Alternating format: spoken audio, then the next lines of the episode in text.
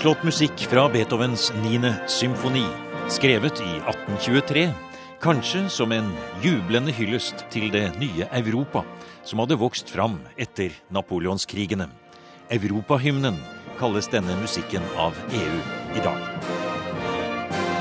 Og jubel er vel også det de fleste av oss helt automatisk forbinder med den unge nasjonen Norge i de første famlende årene etter Eidsvoll og 1814. Og det som kalles 1814, blir jo gjerne kalt for jubelåret i norsk historie. Men jeg tror der har man sett bort fra de økonomiske aspektene med den nye staten. Stortinget sier i 1816 vi kan ikke garantere statsgjeld, og vi kan heller ikke garantere pengenes verdi. Norge 1814 er statsbankerott. Det er førsteamanuensis i økonomisk historie, Camilla Brautaseth ved Universitetet i Bergen, som beskriver en finanskrise som for 200 år siden rystet Norge så dypt og grundig at våre dagers finans- og bankproblemer virker som de rene bagateller. Da eidsvollsmennene erklærte Norges selvstendighet, erklærte de samtidig at Norges internasjonale gjeld skulle betales, og at pengenes verdi skulle garanteres. Det var lettere sagt enn gjort. Pengevesenet var fullstendig ødelagt allerede før 1814. Prisene i Norge var blitt elvedoblet bare fra 1806 til 1812 under napoleonskrigene. Verdien på dansk-norske pengesedler hadde gått ned med 98% i 1813.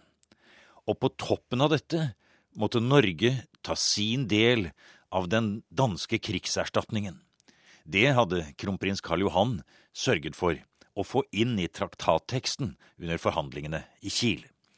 I fem år forsøkte den norske regjeringen å forhandle med Danmark for å redusere størrelsen på denne erstatningen. Men i 1819 gikk det ikke lenger, sier Brautaseth. Norge måtte betale. Til slutt så var den Norges andel tre millioner sølvspesiedaler. Og hvis vi skal prøve oss med et lite eksperiment og tenke oss hvor stort det er i dag, så kan man si at det er omtrent en halv milliard i dagens pengeverdi. Mm. Og dette lånet, denne gjelda, den skulle betales tilbake over ti år. Og med en rentesats på rundt 4 en halv milliard, det er jo bare småpenger i dag for en eh, stat som Norge. Men det var det ikke den gangen. Eh, for statsinntektene var jo selvfølgelig av et helt annet kaliber. Ja, det var veldig, veldig mye penger. Og det som er spesielt i den perioden, er jo det at man for det første så hadde man problemer med å sette opp et budsjett. Man visste ikke hvilken pengeenhet man skulle bruke i de første statsbudsjettene. Og en hadde også problemer med å helt tatt kunne gjøre noen anslag av hvor store inntektene var, og hvor store utgiftene var. Og det man ser at eh, staten Norge den gikk med underskudd. Man hadde underskudd på statsbudsjettet.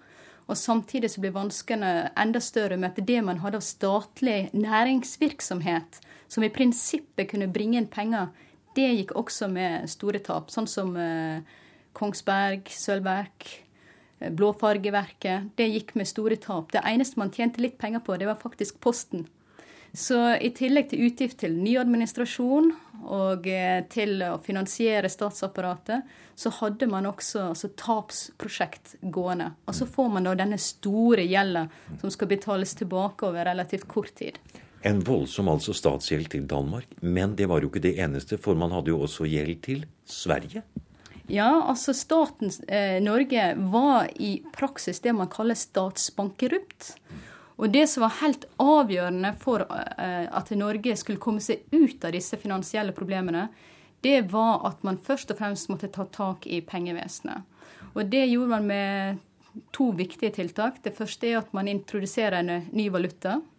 Og så kanskje en av eh, Norges viktigste institusjoner noen gang ble etablert i 1816, nemlig sentralbanken, Norges Bank, som begynte da sin virksomhet fra 1818. Men la oss uh, holde oss litt der nå på denne bankerotte nye staten. La oss gjøre et tankeeksperiment. Denne nye staten, kunne man ikke bare ha erklært at vi betaler ikke, vi starter på nytt, vi tar ikke på oss den danske delen av krigsutgiftene? vi betaler ikke krigsskadeerstatning til Sverige. Hva hadde skjedd hvis man hadde nektet å innfri denne gjelden? Det er et veldig godt spørsmål. Jeg tror det var veldig mange hensyn som eh, en måtte prøve å ta stilling til. For det første så var jo det en eh, moralsk forpliktelse å betale gjelda. Og det var også i forhold til eh, internasjonal politikk, til stormaktene, at man viste at man sto ved sine, sine krav og innfridde dem. Men samtidig så var jo evnen til å kunne gjøre opp for seg, og til å få et eh, finans- og pengevesen som fungerte, og kunne betjene gjeld, det var jo en helt avgjørende premiss for selvstendigheten. Mm. Og det ser jo han spesielt i det dramaet som utspiller seg i forhold med sven det svenske monarkiet og det norske Stortinget. Stortinget henvender seg til svenskekongen og ber han om å ta opp et lån. Det skjer ikke, men man kan få lån hos Sverige. Dette ville ikke Stortinget ha, fordi de mente at uh, tar man opp lån eh, hos Sverige, og man ikke greier å innfri det, så er det slutt på selvstendigheten.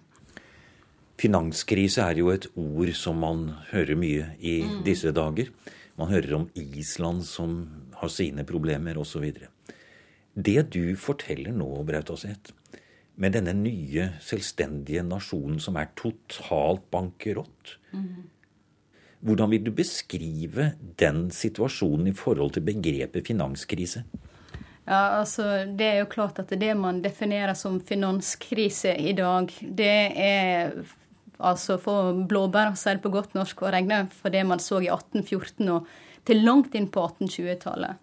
Det som er spesielt, er jo at mens vi i dag på en eller annen måte vet at det kommer til å gå over, man har sterke institusjoner som griper inn, en sentralbank, man har internasjonale organisasjoner, så hadde ikke man dette i 1814.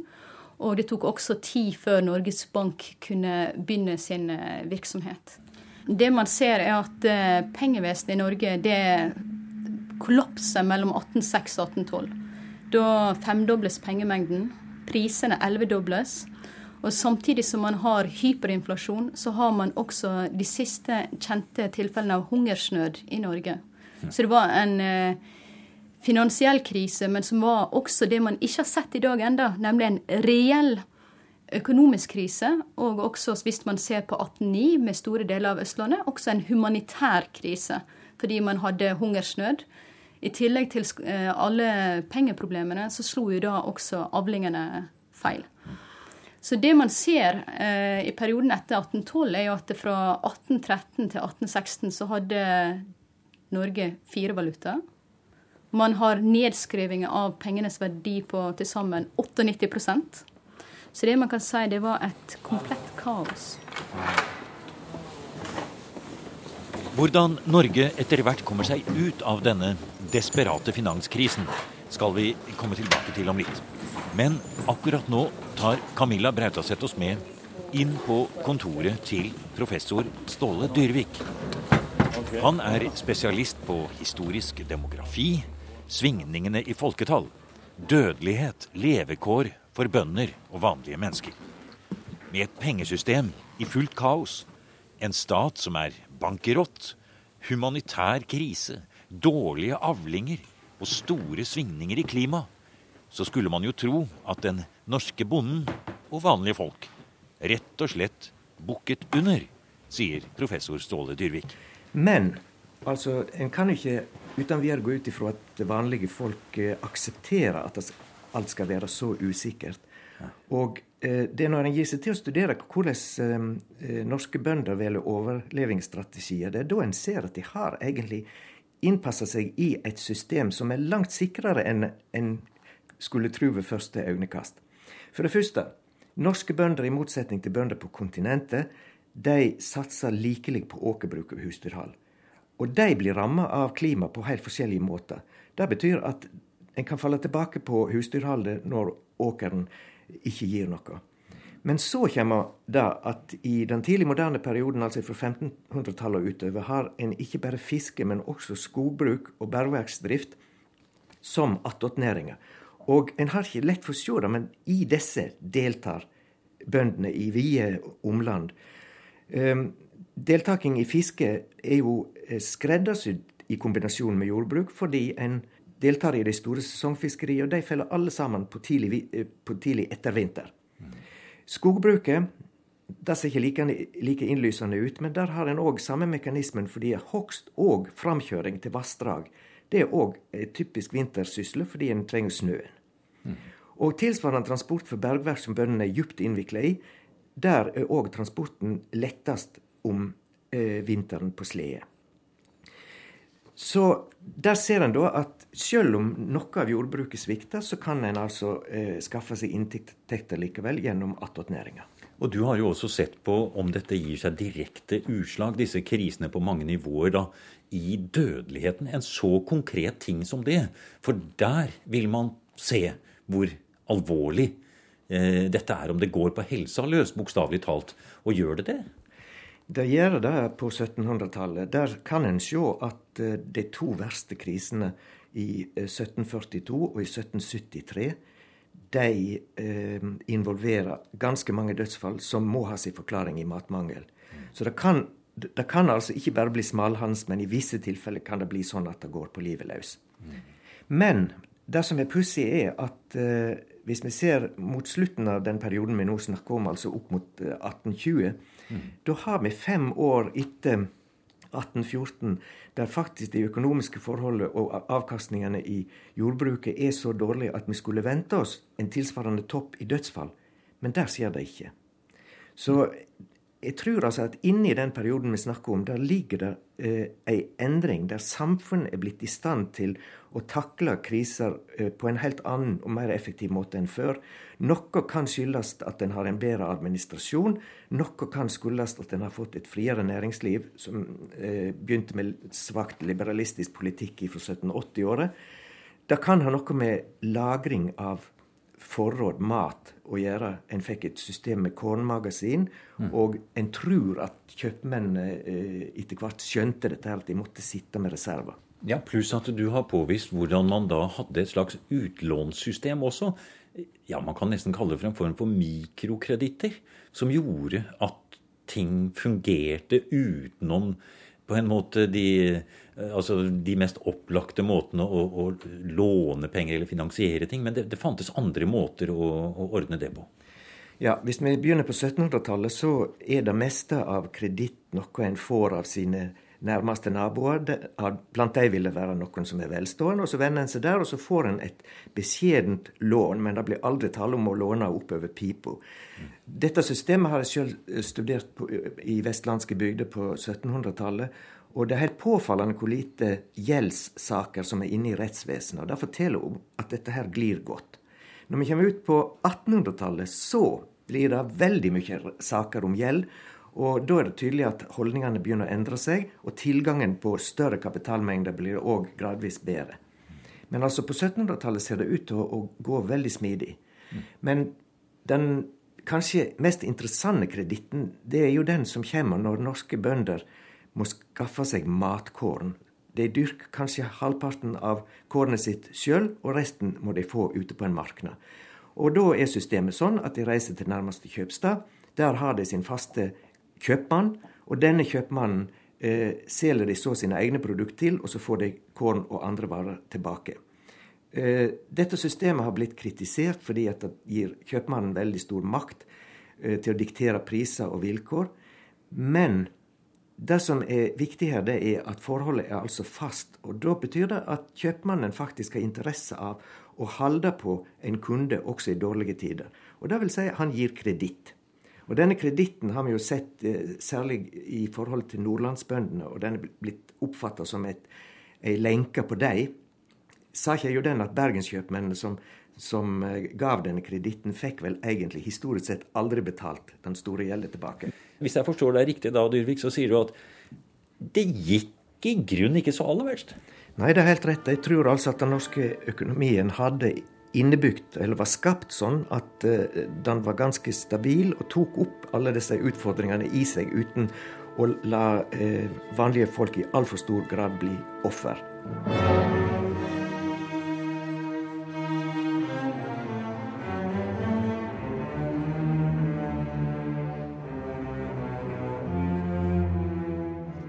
Noen takter dramatisk Beethoven bringer oss tilbake til hvordan den norske regjeringen håndterte den voldsomme finanskrisen etter 1814. Vi har hørt hvordan Camilla Brautaseth beskrev den bankerotte norske staten og den helt uhåndterbare krigsgjelden til Danmark og Sverige. Hva gjorde finansminister Grev Wedel Jarlsberg? Jo, han reiste til alle sine forretningsforbindelser i utlandet for å be om kortsiktige vekselkreditter til løpende statsutgifter, garantert med sikkerhet i sine personlige eiendommer. Noe fikk han, men når det gjaldt den virkelig tunge gjeldsbyrden, statsgjelden, var det ikke en spesidaler å oppdrive. Og Det som er spesielt eh, i Norge var i 1818, det var at da sendte man finansministeren ut igjen. Denne gang med kongens velsignelse. Han ble sendt til London og skal prøve å oppta lån. Men etter tre måneder så kom han tilbake igjen uten resultat. Ingen ville gi lån til den nye staten Norge? Når Norge hadde ingen kredittverdighet overhodet og kunne ikke få lån uansett hvor man vendte seg hen. Grunnen til at Norge ikke hadde kredittverdighet, det var komplekst. Noen mente jo at det her var finansministerens person. Han var jo ingen eh, godt likt finansminister. Forståelig nok hvis det utsteder mange eh, nye og tunge skatter. Og I tillegg så tenkte man at det kunne også ha med at Norge var en ung nasjon ja, Hvor lenge skal den vare? Ja. ja. Mm. Og så var det ja, ja, det er sammen med Sverige. Men eh, hvordan blir dette forholdet med Sverige egentlig når det får litt tid på seg? Mm. Samtidig så hadde norske private handelshus store eh, lån i utlandet, som de også etter hvert misligholdte. Men kanskje interessant nok så vil vel de mest sannsynlige forklaringene ligge utenfor Norge. Fordi det å gå statsbankerott på denne tida, det var faktisk ikke så uvanlig. For i 1817-1818 så ser vi det at eh, England gir jo store lån til Russland, til Frankrike, Østerrike, Prøysen. Så det noen spekulerte i òg, er jo at eh, kreditten og, og, og lånemengden var brukt opp. Og så er det noen som beskrever 1818 så det året der internasjonal kreditt ikke lenger eksisterte. Så man har altså internasjonale problem, det er et likviditetsproblem. Ikke ulikt det man har sett som har vært eh, årsak til finanskrisen i år. Og så kommer da Norge til kort, helt fram til man da får en uh, hjelpende hånd fra utlandet med at uh, man får uh, brev fra Tyskland om at, uh, fra en som heter Steffens. Så heter, det har kommet han for øre at Norge søker etter lån, og han kan være behjelpelig med å skaffe et slikt lån. Utover på 1820-tallet skulle Det norske storting få flere tilbud om private lån. Men da det tyske finans- og handelshuset Brødrene Benneke fra Berlin leverte sitt lånetilbud i desember 1818, hadde ikke Wedel Jarlsberg noe valg. Betingelsene var sensasjonelt dårlige, og ville legge beslag på alle fremtidige skatte- og tollinntekter i mange år. Eh, Karl Johan har sagt at han syntes det her var fornedrende og fullstendig uakseptabelt. Og Hvis man ser på lånevilkårene der, så skjønner man også at det var ganske hårreisende vilkår. Man får en effektiv rente på 20% i året, og nesten ingenting av lånesummen blir eh, utbetalt. Så man inngår et år med heftige forhandlinger. Tysk konsul, bosatt i Kristiania, reiser da til Berlin og skal stå for forhandlingene. Og ett år seinere, desember 1819, da har man kommet til enighet, og så signeres da avtalen 1819. Eh, og man kan si at vilkårene blir bedre, men først og fremst så kan jo man se på låneavtalen at gode råd var virkelig dyre når det mangler penger. Og En av de måtene man da stiller sikkerhet på her, i tillegg til eh, skatte- og tollinntekter, er ikke det også en, en nokså utstrakt pantsettelse av fast eiendom i jo. Det er statsbankerott. Og så pantsetter folk sine egne eiendommer, og det er bare noen få år etter at de har gått med sølvet sitt til Norges Bank. Mm. Ja, og man så jo det også september 1818, at det er bondetog på vei til Kristiania. Og det man ser, er jo at man eh, får eh, slått ned den eh, opprøret mot eh, det harde skattetrykket.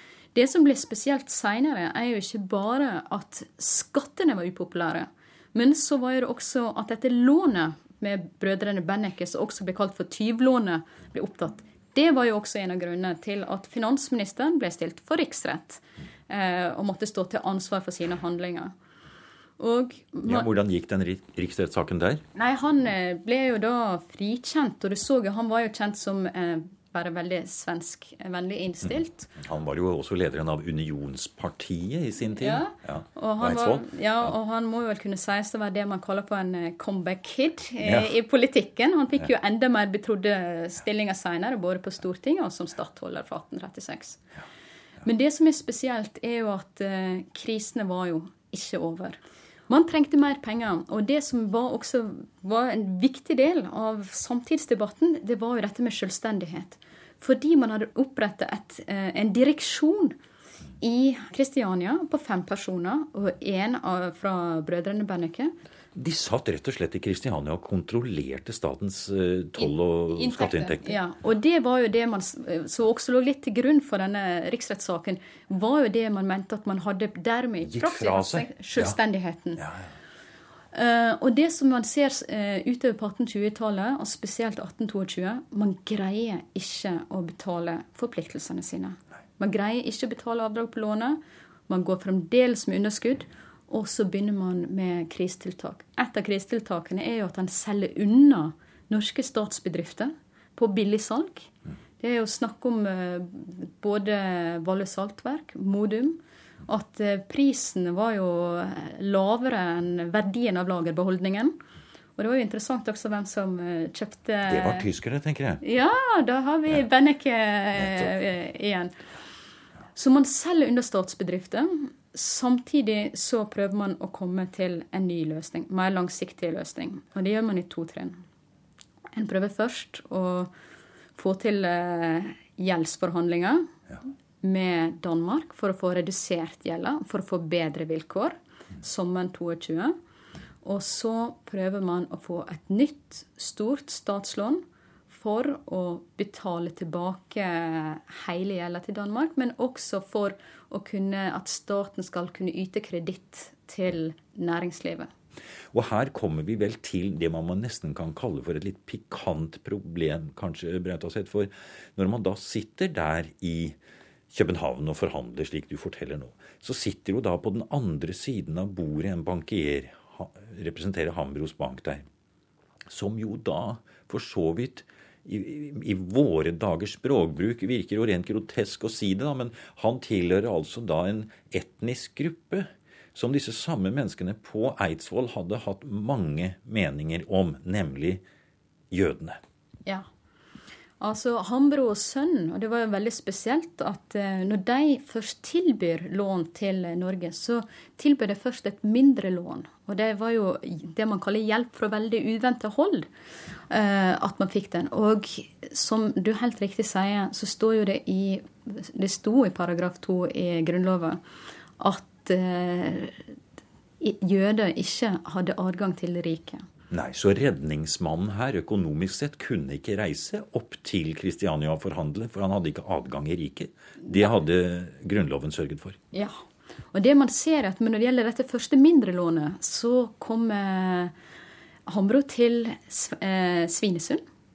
Og så ryktes det at han oppholdt seg et par dager i Fredrikshald, men reiste da raskt ut igjen. For rett og slett ikke å bli arrestert som jøde? Ja.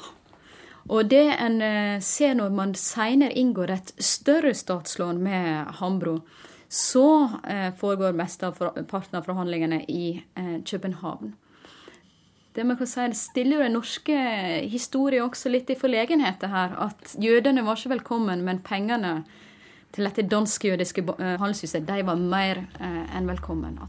Den norske finanskrisen varer strengt tatt til helt ut på 1840-tallet, da den norske pengeverdien endelig stabiliserer seg mot sølvverdien i Norges Bank. Også datidens oljeinntekter i anførselstegn, nemlig trelasteksport og inntekter fra skipsfarten, var med på å stabilisere den norske økonomien, sier Camilla Brautaseth. Men det en ser som var det kanskje den viktigste beslutningen som ble tatt, det var opprettelsen av Norges Bank. For Norges Bank det la til grunn både å sikre pengeverdien, at man fikk utvikling av staten på utviklinga av et uh, finansvesen. Altså Banken var jo også en innlåns- og utlånsbank i den perioden.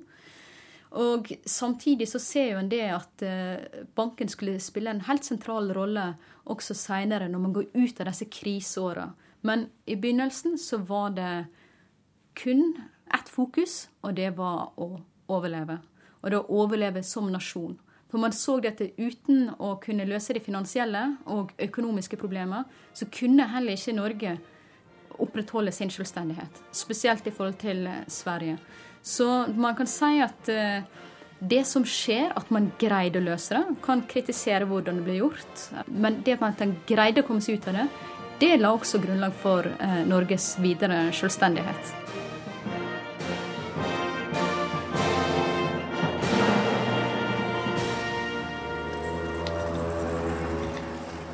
Du har nå hørt programmet Museum som podkast fra NRK. Museum sendes i NRK P2 på lørdager og søndager. Du finner flere programmer på nrk.no podkast.